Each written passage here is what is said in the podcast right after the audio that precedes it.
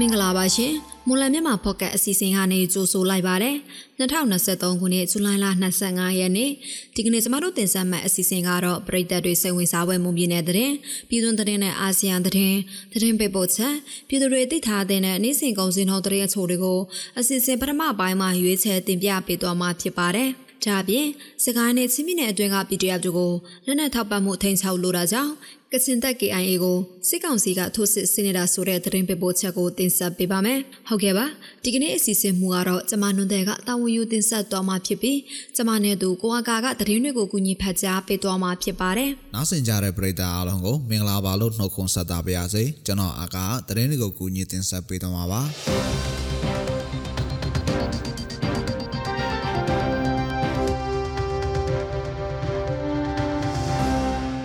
မအဦးဆုံးသတင်းတပုတ်အနေနဲ့မွန်ပြည်နယ်တောင်ပိုင်းရေးမြို့နယ်အတွင်းစစ်ကောင်စီတပ်နဲ့ကရင်အမျိုးသားလူမျိုးရေးတမတော် KNA ပြည်သူ့ကာကွယ်ရေးတပ်ဖွဲ့ PDF တို့အကြားစစ်ရေးပဋိပက္ခပုံမပြင်းထန်လာတဲ့အတွက်ငွေကြေးတက်နိုင်သူတွေကမော်လမြိုင်မြို့ပေါ်ကိုပြောင်းရွှေ့လာကြပါတယ်။ရေးမြို့နယ်အတွင်းစစ်ရေးပဋိပက္ခပုံမပြင်းထန်လာပြီးပြီးခဲ့တဲ့ဇွန်လ25ရက်နေ့ကလည်းနိကရင်ကျေးရွာမှာတိုက်ပွဲဖြစ်ပွားခဲ့ကြပြီးစစ်ကောင်စီဘက်ကလေကြောင်းနဲ့တိုက်ခိုက်ခဲ့လို့ထောင်နဲ့ချီတဲ့ဒေသခံတွေထွက်ပြေးတိမ်းရှောင်ခဲ့ကြရပါတယ်။ စစ်ရေးပဋိပက္ခတွေတနေ့ထက်တနေ့ပုံမဆိုးရွားလာတဲ့အတွက်လုံခြုံရေးနဲ့စီးပွားရေးအတွက်မော်လမြိုင်မြို့ပေါ်ကိုပြောင်းရွှေ့လာကြတာလို့ရေးမြို့နယ်ကနေပြောင်းရွှေ့လာသူတဦးကပြောပါတယ်မော်လမြိုင်မြို့ပေါ်ကိုပြောင်းရွှေ့သူများလာတဲ့အတွက်မော်လမြိုင်အိမ်ချမ်းမြေစီကွက်အယောင်ဝယ်တိုးတက်လာတယ်လို့အိမ်ချမ်းမြေအကျိုးဆောင်တွေကဆိုပါတယ်။ပြောင်းရွှေ့နေထိုင်သူများလာတဲ့အတွက်မော်လမြိုင်အိမ်ချမ်းမြေစီနှုံလည်းမြင့်တက်လာပါတယ်ရှင်။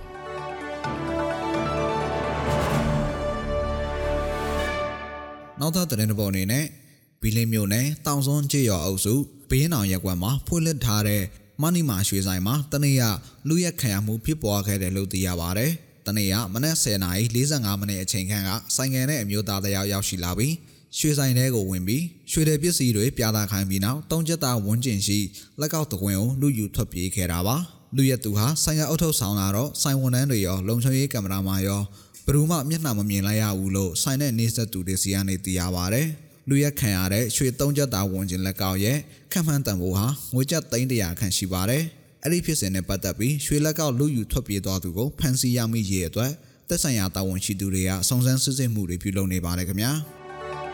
။ နောက်ထပ်သတင်းသဘောအနေနဲ့အခုဇူလိုင်လကုန်မှာထုတ်ဝေမဲ့ကျပ်2000တန်ကိုဈေးကွက်ထဲထည့်သွင်းမှာမဟုတ်ပဲဟောင်းနှင်းငွေကြွေးတွေဘဏ်ကိုလာအပ်တဲ့အခါမှာအကက်အသက်နဲ့လူတအုပ်သုံးရွက်နှုံနဲ့ပြန်လည်လဲလှယ်ပေးမှဖြစ်တယ်လို့စစ်ကောင်စီကသတင်းထုတ်ပြန်ထားပါတယ်ဈေးကွက်တဲကိုအတစ်ထုတ်ကျပ်2000ငွေစက္ကူကိုဒီတိုင်းထည့်သွင်းလိုက်ရင်ပုံမှန်အားဖြင့်ငွေကြေးဖောင်းပွားမှုတွေဖြစ်လာနိုင်တယ်လို့အခုလိုစီစဉ်တာလို့လည်းသူတို့ကဆိုပါတယ်ပြန်လည်အနှံတဲ့ဟောင်းနှွမ်းငွေစက္ကူတွေကိုတော့ဖြစ်စီပြစ်မှာလို့လည်းကြေညာချက်မှာဖော်ပြထားပါတယ်။ စစ်ကောင်စီကတော့အဲ့ဒီလိုစီစဉ်ထားတဲ့အတွက်ပြည်သူတွေအနေနဲ့ငွေကြေးဖောင်းပွားမှာမစိုးရိမ်ဖို့ပြောဆိုထားပါတယ်ရှင်။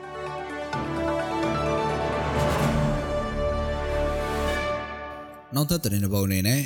စစ်ကောင်စီနဲ့နေပြီးတော့မှငင်းချရေးဆွေးနွေးနေတဲ့မြောက်ပိုင်းတိုင်းရင်းသားလက်နက်ကိုင်အဖွဲ့တွေကစစ်ကောင်စီဖိတ်ခေါ်တဲ့ငင်းချရေးညီလာခံကိုတတ်မှာမဟုတ်ဘူးလို့ရှင်းရှင်းလင်းလင်းညင်းဆိုခဲ့တယ်လို့ရှမ်းပြည်တူတရေးပါတီ SSPP SSA အတွင်းရေးမှူးနှစ်ကပြောပါတယ်။ စစ်ကောင်စီလက်အောက်ခံအမျိုးသားစီလုံးညီညွတ်ရေးနဲ့ငြိမ်းချမ်းရေးဖော်ဆောင်မှုညှိနှိုင်းရေးကော်မတီကတိုင်းသားတော်လှန်ရေးလက်နက်ကိုင်အဖွဲ့တွေပါတဲ့ငြိမ်းချမ်းရေးညီလန်ခံကျင်းပချင်တာကြောင့်ဝါပြည်သွေးစည်းညီညွတ်ရေးပါတီ UWSP အပါအဝင်မြန်မာနိုင်ငံမြောက်ပိုင်းမှာရှိနေတဲ့တိုင်းသားတော်လှန်ရေးလက်နက်ကိုင်အဖွဲ့တွေကိုတက်ရောက်ပေးဖို့ကန့်လန့်ခဲ့ပါတယ်။ဒါပေမဲ့မြောက်ပိုင်းအဖွဲ့တွေဘက်ကတော့လက်ရှိနိုင်ငံရေးအခြေအနေတွေအရအားလုံးပါဝင်နိုင်မှုမရှိရင်တက်ရောက်မှာမဟုတ်ဘူးလို့ ရှင်းရှင်းလင်းလင်းညင်းဆိုခဲ့တယ်လို့စစ်ကောင်စီငြိမ်းချမ်းရေးကိုယ်စားလှယ်အဖွဲ့နဲ့ဆွေးနွေးခဲ့တဲ့ SSPP SSA အတွင်းမှုနှင့်ဗိုလ်မှူးကြီးဆိုင်းစုကပြောပါရယ်စစ်ကောင်စီကလက်ရှိအချိန်မှာတနင်္ဂနွေလုံးပြစ်ခတ်တိုက်ခိုက်မှုရဲစရေးသဘောတူစာချုပ်မှာလက်မှတ်ရေးထိုးထားတဲ့တိုင်းသားတော်လှန်ရေးအဖွဲ့တွေနဲ့လည်းငြိမ်းချမ်းရေးဆိုင်ရာသဘောတူညီမှုတွေ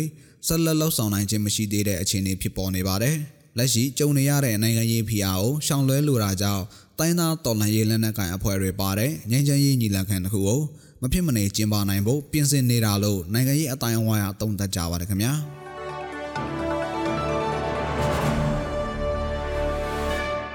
နနောက်ဆုံးသတင်းသဘောအနေနဲ့ကုလသမဂ္ဂဆိုင်ရာမြန်မာတန်အမတ်ကြီးဦးကျော်မိုးထွန်းကိုလှုပ်ချန်ဖို့စ조사သူဖြိုဟိန်ထုံမှအပြစ်ရှိတယ်ဆိုပြီးအမေရိကန်နယူးယောက်တရားရုံးဂျူရီအဖွဲ့ကနေတညီတညွတ်တနည်းဆုံးဖြတ်လိုက်ပါတယ်နယူးယောက်မှာနေတဲ့ဖြိုဟိန်ထွန်းဟာဦးကျော်မိုးထွန်းကိုလှုပ်ချန်ဖို့ထိုင်းနိုင်ငံကလက်နက်ပွဲစားတအုပ်နဲ့ချိတ်ဆက်ခဲ့တာဖြစ်ပြီးတန်အမတ်ကြီးအတွင်သတင်းတွေနဲ့တန်ယုံရဲ့အတွင်သတင်းတွေကိုပေးပို့ခဲ့ပါတယ် တိုက်ခိုက်ရတဲ့အဓိကအကြောင်းရင်းကလည်းဥကျော်မိုးထွန်းဟာယာဒူဟာထွက်အောင်လှုပ်ဆောင်လိုတာဆိုပြီးသိရပါတယ်။ဒါကြောင့်နယူးယောက်တောင်ပိုင်းခရိုင်တရားရုံးကျူရီလူကြီးအဖွဲ့ကနေအသက်28နှစ်အရွယ်ဖြိုဟိန်ထုံမအပြစ်ရှိတယ်ဆိုပြီးမနေ့ကဇူလိုင်24ရက်နေ့မှာတညီတညွတ်တဲ့ဆုံးဖြတ်ခဲ့ကြပါတယ်။အများဆုံးပြစ်ဒဏ်အနေနဲ့ထောင်ဒဏ်9နှစ်ချမှတ်နိုင်ပြီးနောက်ဆုံးအမိန့်ကိုတော့လာမယ့်2024ခုနှစ်မလ14ရက်ကြာမှအမိန့်ချမယ်လို့သိရပါတယ်ရှင်။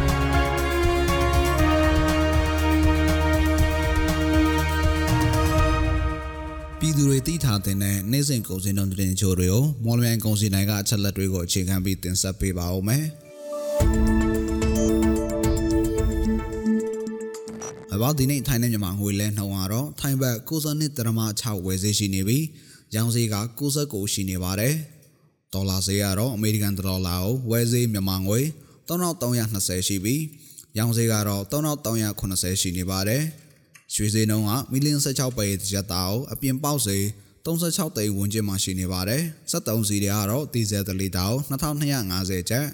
အောက်သိန်း62တလီတာကို2255ကျပ်နဲ့65တလီတာကို2380အထိရှိနေတာပါ။စံစည်းနှုန်းကတော့အကောင်စားပေါ်စံမွေ108ပေါင်အမြင့်ဆုံးကို89,500ကျပ်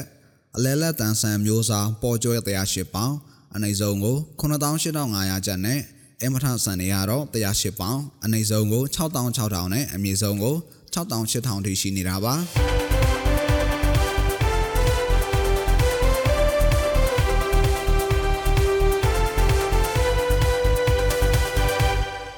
တင်ဆက်ပေးသွားခဲ့တာကဇူလိုင်လ25ရက်နေ့မှာဖြစ်ပျက်ခဲ့တဲ့မွန်ပြည်နယ်သတင်းပြည်သွင်းသတင်းနဲ့အာဆီယံသတင်းတွေအပြင်တနေ့တာစီစေးငွေစေးနဲ့ကုန်စည်နှုန်းတွေကိုတင်ဆက်ပေးသွားတာဖြစ်ပါတယ်။ဆက်လက်ပြီးတော့စကိုင်းနဲ့ချင်းပြည်နယ်အတွင်းက PDF တွေကိုလက်နက်ထောက်ပံ့မှုထိန်ချုပ်လိုတာကြောင့်ကချင်တပ် KIA ကိုစစ်ကောင်စီကထိုးစစ်ဆင်နေတာဆိုတဲ့သတင်းပေးပို့ချက်ကိုနတ်ဒီကတင်ဆက်ပေးပါဦးမယ်။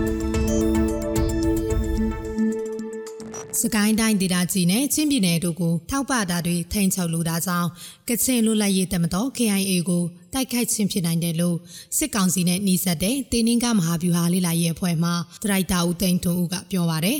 KIA အနေနဲ့ပြည်တွင်းတည်ငြိမ်မှုအပိုင်းမှာအနောက်ရှက်လှုပ်ဆောင်လာကြောင်းဒါကြောင့်စစ်ကောင်စီဘက်ကတိုက်ခိုက်ခြင်းဖြစ်တယ်လို့သူကဆိုပါရယ်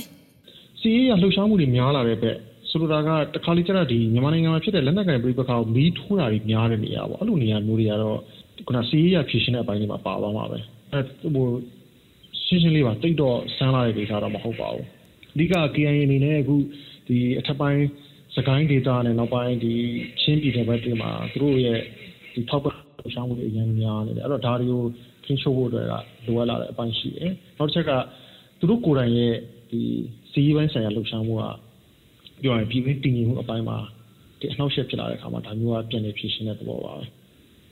စကိုင်းတိုင်းဒေသကြီးအတွင်းရှိပြည်သူ့ကာကွယ်ရေးတပ် PDF တွေကို KIA ဟာလက်နက်ထောက်ပံ့မှုတင်ပို့ရောင်းချမှုအများအပြားပြုလုပ်တယ်လို့တုံ့တက်မှုတွေလည်းရှိနေပါတယ်။ပြီးခဲ့တဲ့ဇူလိုင်လတရက်နေ့ကစတင်ပြီးစစ်ကောင်စီနဲ့ KIA တို့နန်းဆိုင်ရမှာတိုက်ပွဲဖြစ်ပေါ်ခဲ့တာပါ။ လက်ရှိအချိန်ထိနှစ်ဖက်စီရေးတင်မာနေတယ်လို့ဇူလိုင်23ရက်ကလည်းနန်းဆန်းရန်ကိုစစ်ကောင်စီကပုံကျဲတိုက်ခိုက်မှုတွေလှုပ်ဆောင်ခဲ့ပါတယ်။တရုတ်နိုင်ငံနဲ့ကုန်သွယ်မှုပြုလုပ်ရာမှာနန်းဆန်းရန်ဟာအရေးပါတဲ့အနေအထားမှာတည်ရှိနေတာကြောင့်စစ်ကောင်စီကတိုက်ခိုက်တာဖြစ်နိုင်တယ်လို့ကချင်နိုင်ငံရေးသမားဦးကွန်ကောင်ခန့်ကပြောပါတယ်။အဲစစ်မျက်နှာဖွင့်တာကတော့အချက်လက်တွေအများကြီးရှိပါလိမ့်မယ်အဲတခုက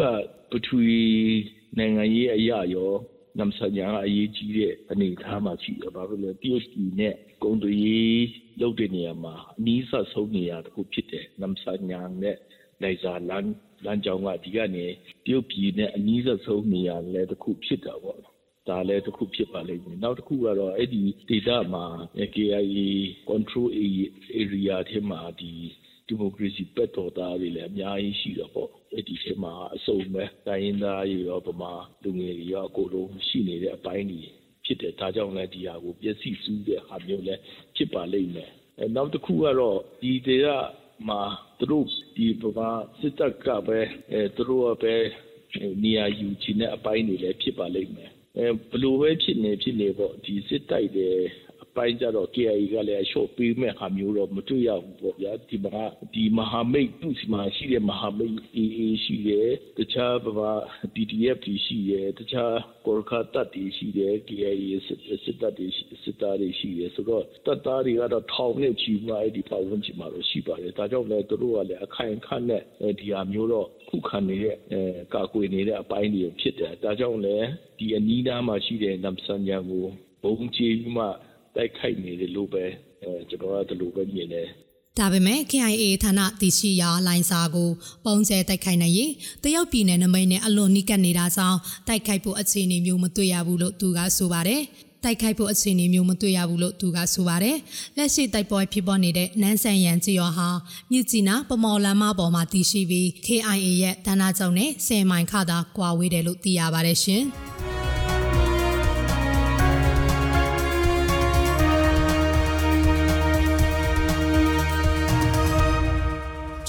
ကျွန်တော်ရဲ့မွန်နိုင်မြန်မာ podcast season ဒီမှာတင်ပြီးဆုံးပါပြီ။နားဆင်ကြတဲ့ပရိသတ်အားလုံးကိုနောက်နေ့အစီအစဉ်တွေမှာဆက်လက်အားပေးကြပါအောင်လို့ဖိတ်ခေါ်ရင်းအစီအစဉ်ကိုအဆုံးသတ်ပါရစေ။အားလုံးကိုကျေးဇူးတင်ပါတယ်ခင်ဗျာ။